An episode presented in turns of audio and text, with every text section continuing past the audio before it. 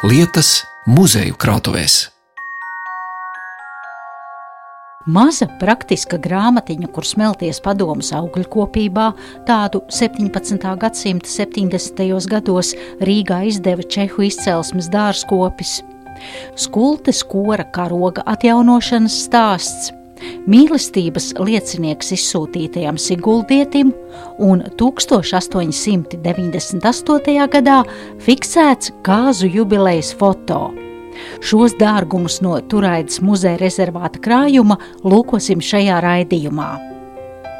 20. gadsimta sākumā celtajā toreizējā Turaidas mūžas graudu kalta sēkā nu atrodas viens no Turaidas muzeja rezervāta krājuma namiem – Kā teica galvenā krājuma glabātāja Līga Kreišmane, te glabājoties neliela izmēra priekšmeti. Tomēr viens no šejienes vēstures lieciniekiem ir pamatīgu apmēru - pāri par diviem metriem garumā un divi metri augstumā. Tā atdarinājums ir apskatāms Klaušinieku mājas ekspozīcijā, kur pirms stāsta par pašu oriģinālu iegriežamies kopā ar Turaidas muzeja rezervāta krājumu galveno speciālisti Aiju Dzeni labi pavērtē un paskatās, tas atdarinājums ir, nu, manuprāt, ļoti precīzi kopija. Ar visu to, ka tas audums tāds tā kā drusciņi nelīdzens, viņš arī otra puse, nu, redziet, no vairākām auduma slējām bija šūta. Un es nezinu, to nevar pārbaudīt, bet man tā karoga šuvēja, tā kā zināja kaut ko stāstīt, ka viņa kādreiz dzirdējis, ka to karogu jau nav šuvis viens cilvēks ka tās slejas ir gatavojuši atsevišķi cilvēki, ka tas šūms ir ļoti arī atšķīries oriģinālā. Kāpēc tam ir sašūts viss kopā? Kā ļoti skaists zīmējums. Te mēs varam saskatīt, kā tās būras te ir satītas, un tas kuģis izgraznots, un tur komandas tiltiņš. Tas ir aplikācijas, tieši tāpēc viņam arī ir tas reliefais. Tas jā, tā, tas jā, jā. dod to mhm. ticamību. Mm -hmm. Un, protams, mēs varam aiziet otrā pusē un apskatāmies otru pusi karogam šis eksponēšanas veids ir vienkārši. Tādā jā, viļņainā, caurspīdīgā rāmī ielikts. Tas uzreiz tur tas efekts, ka kuģis brauc pa viļņiem. Domāju, ka nu. šis mums ir ļoti, ļoti labs eksponāts un, un ļoti tūs īstajam oriģinālam.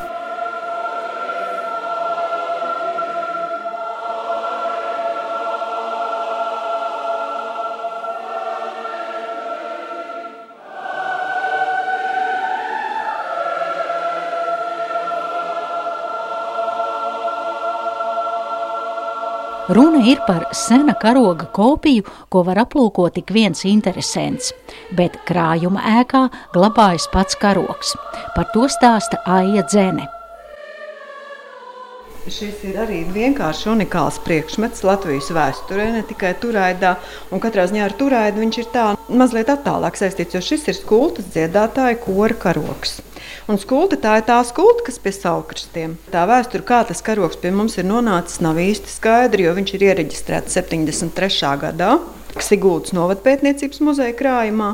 Nu, protams, automātiski viņš tagad ir turēts muzeja rezervāta krājumā.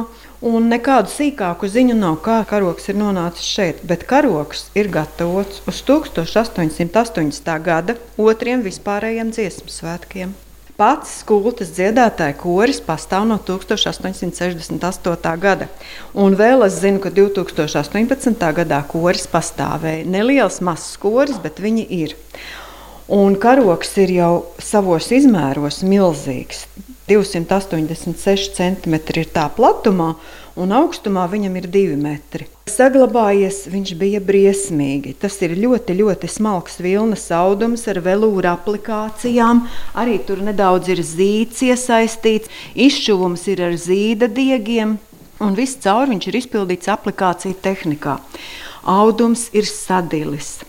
Mēs ļoti ilgi domājām, kad sāka muzejs gatavoties ekspozīcijai ceļā uz Latvijas valsti. Nu, to, kas veidoja to, to latviešu, to pilsonisko apziņu, kas tā kā pacēla to zemnieku? Nu, tā jau bija tā kultūra, tā dziedāšana un teātris spēlēšana.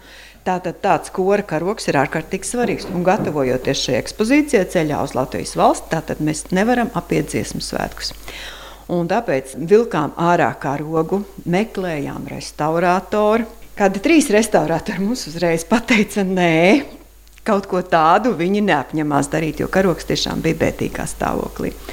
Bet mums piekrita Daira Līdaka, kas bija tekstīlija restaurātora vecmeistara, diemžēl nav vairs mūsu vidū. Viņa piekrita šo titānisko darbu darīt, un rezultāts ir redzams. Karoks ir. Bet, protams, tad, kad restaurācija gāja uz beigām, tad mums restaurātori teica, ziniet, bet viņu eksponēt nu, īsti labi vairs nebūs. Tas audums ir par vāju arī pēc visas restaurācijas.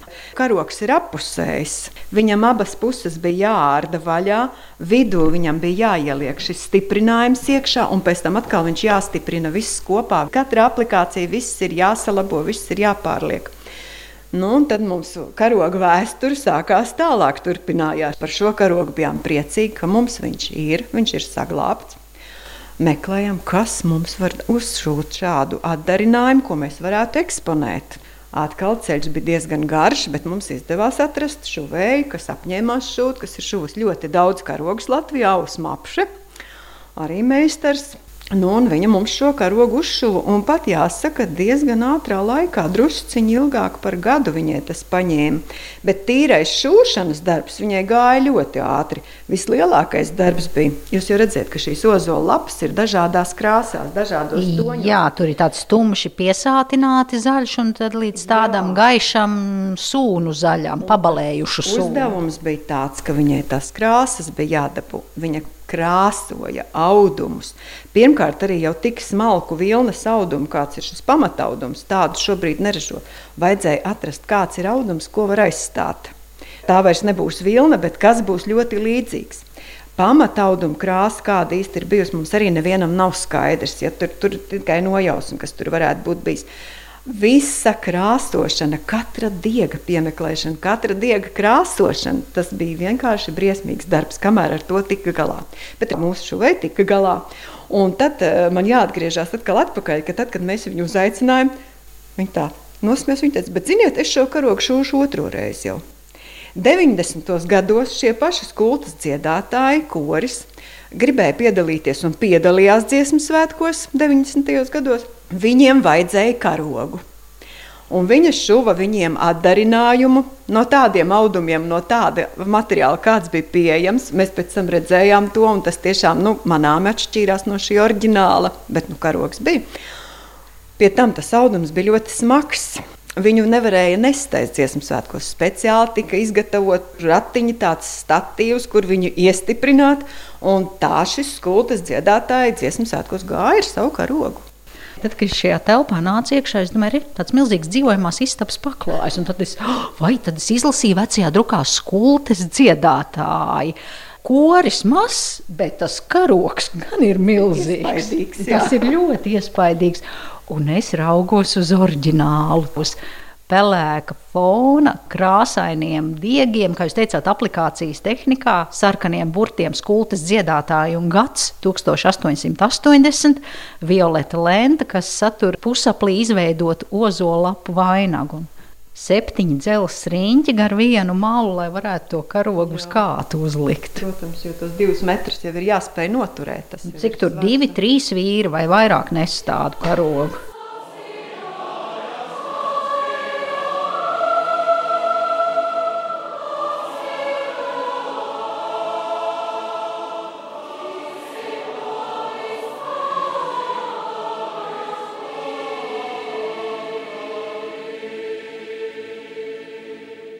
No sena milzeņa pievēršamies citai krājuma pērlei Turaitas muzeja rezervātā, vēl senākai, izmēros pavisam nelielai un šobrīd vienīgajai Latvijā. Tā ir grāmata augļkopiem, cigarešu kārbiņas lielumā, un to savulaik ir sarakstījis un Rīgā izdevis izbijis teologs un žurku ķērājs, čehu izcelsmes dārzkopības speciālists Jiršī Holīgs. Par šo retumu, kas saulē glabājās Rīgas senatnes un vēstures pētnieku bibliotēkā, stāsta Turaids muzeja rezervāta galvenais speciālists Edgars Ceske. Kāpēc šī grāmatiņa ir, kā jūs sakāt, cigarešu kārbiņas lielumā un ir diezgan plāna? Tāpēc, lai viņu vērti varētu ielikt kabatā. Tātad doties dārzā, piemēram, strādāt, jo šī grāmata tiešām ir domāta dārzkopiem kā palīga līdzeklis strādājot visvairāk ar augļu koku potēšanu. Autors ir tāds Georgs, jeb arī Jiržīs Holīgs, Čehu, nu varētu teikt, trimdinieks, pēc profesijas it kā garīdznieks, bija skatoju garīdznieks, pēc tam viņš ir kļuvis par protestantu. Viņš ir ceļojis ļoti daudz, viņš ir mainījis profesijas, atrašanās vietas. No Čehijas viņš ir nokļuvis Saksijā, tagadējā Vācijā, pēc tam Zviedrijā, no turienes Rīgā. Un šeit Rīgā viņš ir pirmo reizi izdevis šo grāmatiņu 1684. gadā Vilkana izdevniecībā. Un šī grāmata ir viena no trijām pasaulē pašlaik zināmajām grāmatām vispār. Viens cits eksemplārs atrodas Upsalas Universitātes bibliotekā, otrs atrodas Tallinas Universitātes bibliotekā. Mums ir trešais. Pirmie divi izdevumi bija Rīgā, pēc tam viņi pārējie bija Hamburgā un citās Vācijas pilsētās. Saturā tātad šis mans minētais Iržīs Holīgs, viņš stāsta par augļu koku potēšanu, minot dažādus potēšanas piemērus, piemēram, triangulāciju, kopulāciju, par kuru, nu, par šiem paņēmieniem viņš uzskata, ka viņš pats viņu ir izgudrotājs. Nu, pierādīts tas nav, bet apgāsts tas arī nav. Ticēsim, ka tas tā arī ir. Es mēģinu tagad saburtot un jāprasa jums. Tātad, ja mēs tā izlasām šo veco druku, ir Vereinigter Lief und Ausländischer Gartenbaum, worin er kürzlich oder klärlich entworfen und tā tālāk, wie man durch gewisse Handgriffe aus Pelzen, Pfeifen, okulieren, kopulieren un tā tālāk. Tūkojumā tas nāk tā. Tas ir tātad apte vienotā vidzemes un ārzemju dārzkopība, kurā īsi taču skaidri ir parādīts, kā dārznieks var ar zināmiem paņēmieniem, kā piemēram pelcēšanu, okulēšanu, kopulēšanu, dažādus kokus potēt un uzlabot šķirnību, pavairot un tā tālāk. Jā, un saturā tur ir ne tikai tas minēts, bet arī kā var cīnīties pret dažādiem koku kaitēkļiem, dažādām koku slimībām, Kā var kokus, kā es teicu, pārstādīt, kā ir pareizi jānovāc augļi, kā viņi jānoglabā un tā. Bet interesantākais ir tas, atgriežoties atpakaļ, kāpēc šī grāmatiņa tiešām cigarešu kārbiņas formātā, jo tajā laikā iznāca arī ļoti daudz un biezas grāmatas. Protams, viņi bija neparocīgi, viņi bija arī dārgi, un vienkārši varbūt ierindas dārzkopis viņas nemaz iegādāties nevarēja. Un tātad šī grāmata ir pirmkārt ļoti praktiska, ļoti īsa, ļoti saprotamā valodā un ļoti parocīga, kā es teicu, iebāžama kabatā. Un aizmugurē šeit ir tādas vairākas lapiņas atstātas brīvas. Tā nav nejaušība. Tā ir tāpēc, lai varētu piezīmēt, ko tu esi atkal atradis, kādu paņēmienu vai kā šis paņēmiens darbojas, ja gluži otrādi nedarbojas un tam līdzīgi. Ja ķiršus vai plūmes stādām no kauliņa, tad šo kauliņu pirms tam vajag iemērkt medus un piena maisījumā, tad kokam augļi būšot saldāki, un pirms to kauliņu liek zemē, ar nazi vajag nedaudz iešķelt, lai asins vieglāk nāk laukā. Tas gan viens no Iršī Holīka padomiem dārzkopjiem. Jāpiebilst, ka drīzumā paredzēts ir laist klajā šīs grāmatas faksimili izdevumu latviešu valodā ar komentāriem bet vēl par grāmatas autoru dzīvi Rīgā turpina Edgars Ceske. Tad kolīgs eh, ieradās Rīgā, kuros gados mēs nezinām. Apmēram 1670. gadu beigās, tie bija Zviedru laiki, Vidzeme un Rīga tajā laikā piederēja Zviedriem.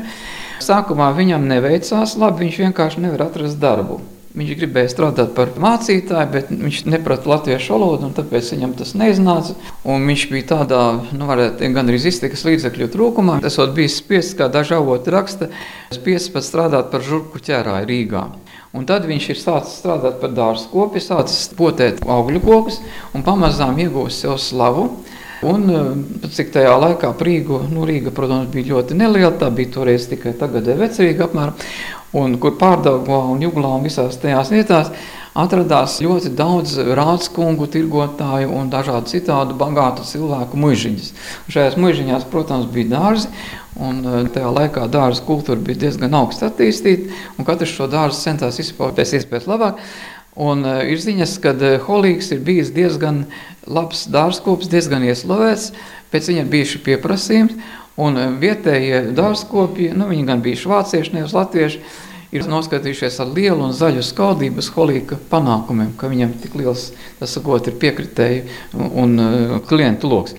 Nu, beidza savu dzīvi Holīgs laikam diezgan bēdīgi, jo 1710. gadā, kā zināms, sākās Rīgas aplenkums, bija Ziemeļu karš, arī Ziemeļu kara laikā sākās mēris, un ir tādas ziņas izteiktas, ka Holīgs nomirs mērī un e, apglabāts arī Rīgā, kaut gan precīzi apglabāšanas vieta nav zināma.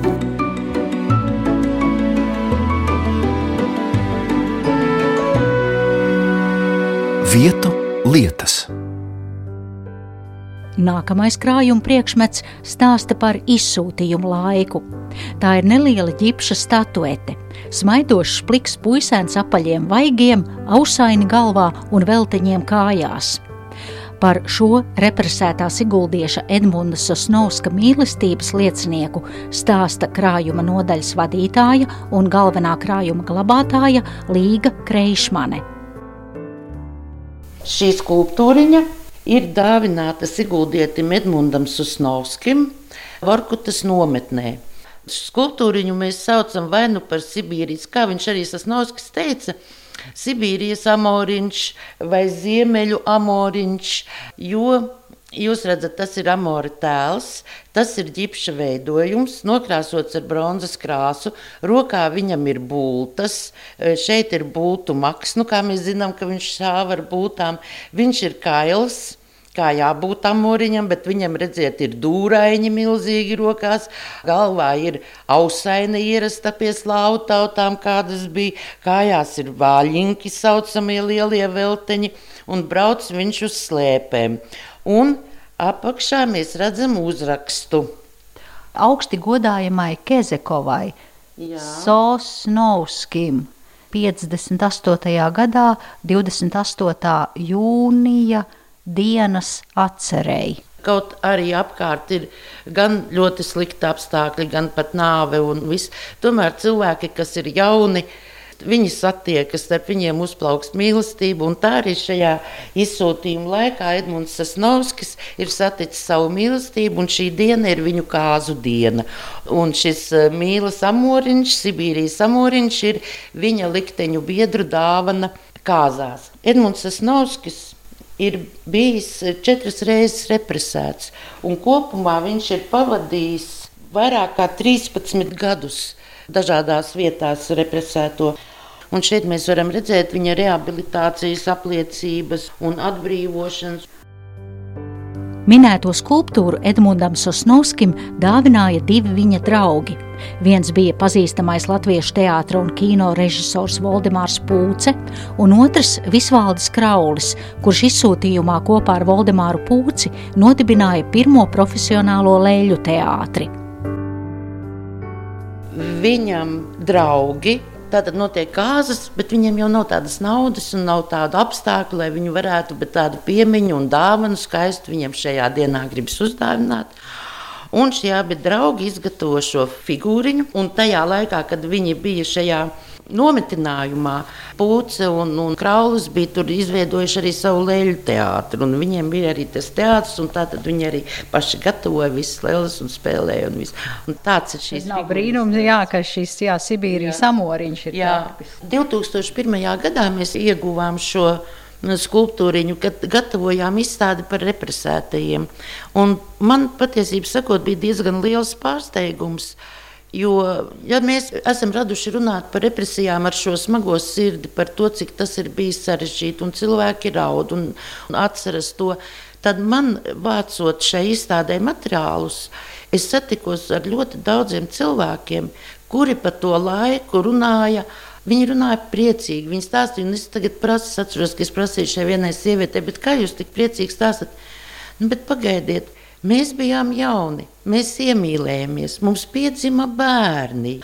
Un tad visā šajā tādā tumsībā, kas tev apņem, ja, ir šie gaišie brīži, kas cilvēkiem ir palikuši atmiņā. Jo, kā viņi saka, jaunība ir jaunība, ja, un tu atrod arī tādos apstākļos.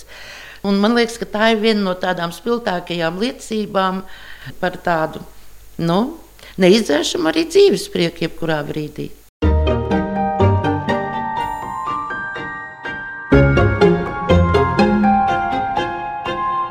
Vietu, lietas.